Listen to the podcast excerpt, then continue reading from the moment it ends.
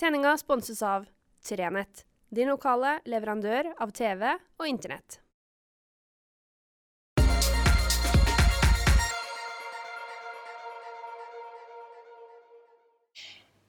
Riktig god fredag.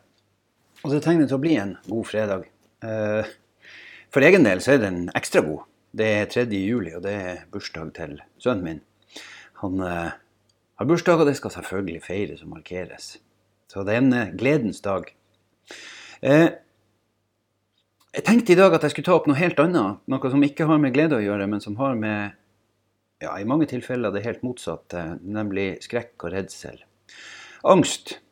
Angst er en lidelse som ganske mange i samfunnet vårt sliter med. Eh, Noen av dem står fram med det og klarer å være åpne om det og klarer å sette ord på det, mens veldig veldig mange går rundt med angst uten å våge å fortelle om det. Og det kan være mange grunner til det. Eh, En som har våga å stå fram, det er han Stian Pedersen, opprinnelig fra Arnøya. En som jeg knytta kontakt med på Facebook for ei tid tilbake, og som jeg har fulgt med interesse. Han skriver noen fantastiske blogger der han i barneperspektiv prøver å sette ord på ting som unger kan tenke på. Men han Stian har òg en annen side. Han har angst. Det kom til han som eh, for noen år tilbake. Og han har valgt å være helt åpen på det. Han deler det på Facebook og skriver om eh, når det blir skikkelig ille. Og her For noen dager siden så kom det en melding på Facebook fra Stian om at nå var det tøft. Nå var det steinhardt. Det var en av de svarteste periodene han hadde kjent på. Men at han var glad for at han hadde så mange rundt seg som brydde seg.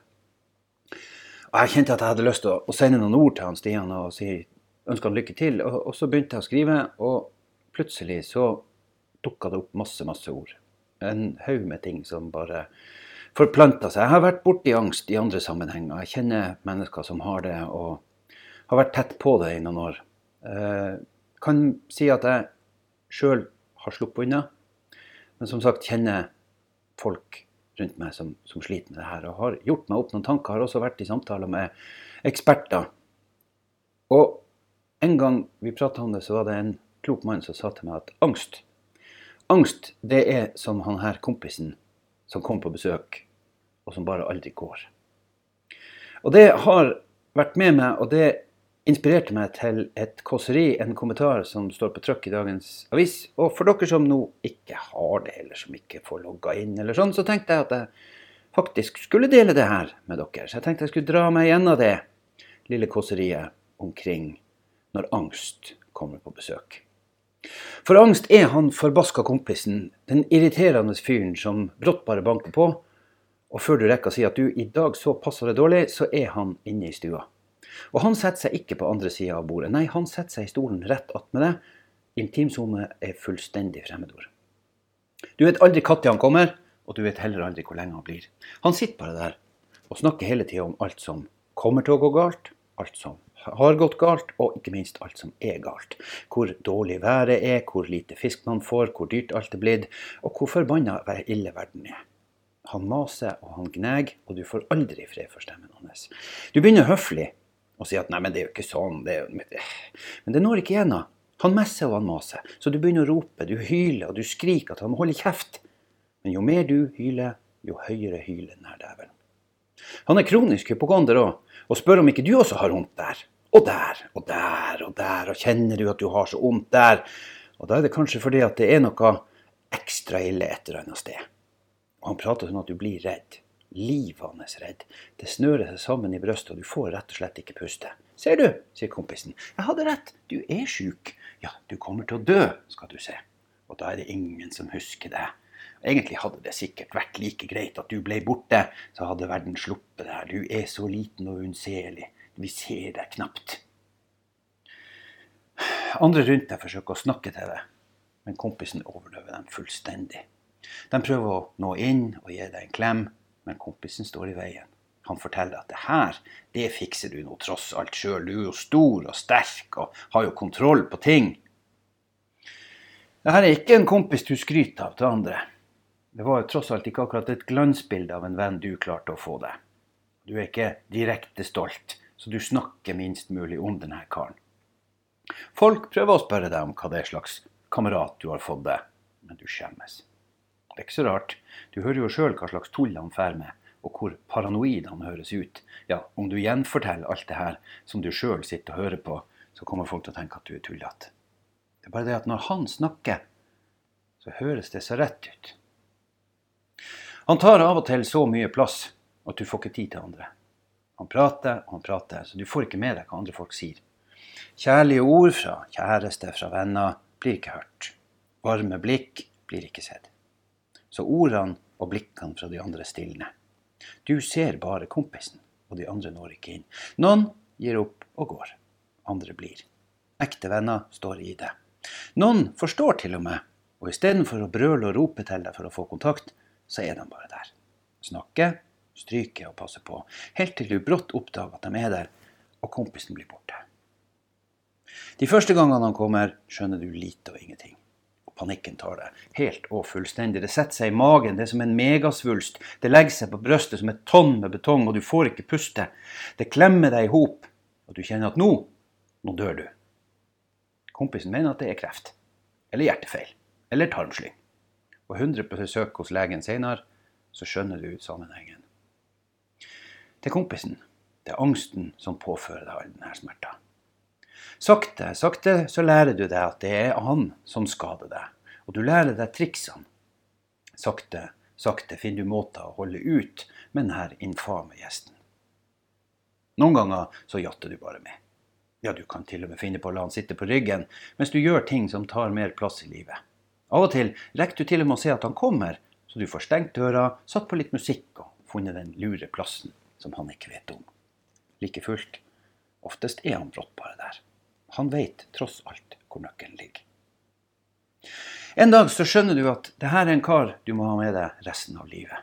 Du må faktisk bære styggen på ryggen. For noen er det dagen alt går i svart. De vet at denne børa klarer de ikke å bære. Andre klarer å innfinne seg med det. Noen er til og med så sterke at de løfter han av ryggen. Noen holder han fram, løfter han opp og viser Se her, det her er en kompis, han bare kom. Jeg kan ikke noe med det, han er bare her. Noen klarer å si til han at skal du være med videre, ja, så får du gå sjøl. Vi kan snakke sammen, jeg og du, men når jeg sier at det er nok, så drar du. For mange så er det vanskelig å forstå at andre går rundt med sånne venner. Herregud, det er jo bare å be han om å gå. Be han om å tie stille. Det er bare én fyr. Én mot alle oss. Se hvor mange vi er som er her for deg. Det er jo ingen sak. Vi fikser han. De ser på han som om han er ei flis i fingeren. Ja, OK, men sett at det var ei flis, da. Sett at det var ei flis, men den flytter seg rundt hele tida. Den er aldri på samme plass. Noen ganger så er den ytterst i huden, andre ganger er den inne i hjertet. Noen ganger er den knøttet lita, nesten uunnselig, bare en liten irritasjon som ligger og skaper noe sånn et eller annet. Mens noen ganger så er den så stor og betent og ond, og den ligger så djupt i kroppen at det er ikke til å holde ut. Leger finner fram svære røntgenapparat, men den er søkk vekk enda du kjenner at den er der. Ikke gjør ting som ikke gir deg angst, sier folkene. Men de forstår ikke at angst ikke nødvendigvis er noe som må trigges. Alle kjenner på en eller annen form for engstelse, for, for, redsel, for skrekk. Noen er redd for edderkopper, for fugler, hunder. Noen er redd for høyde og store folkemengder. For mange av oss er det en forbigående skrekk som er situasjonsbetinga. Men angst er ikke en fobi.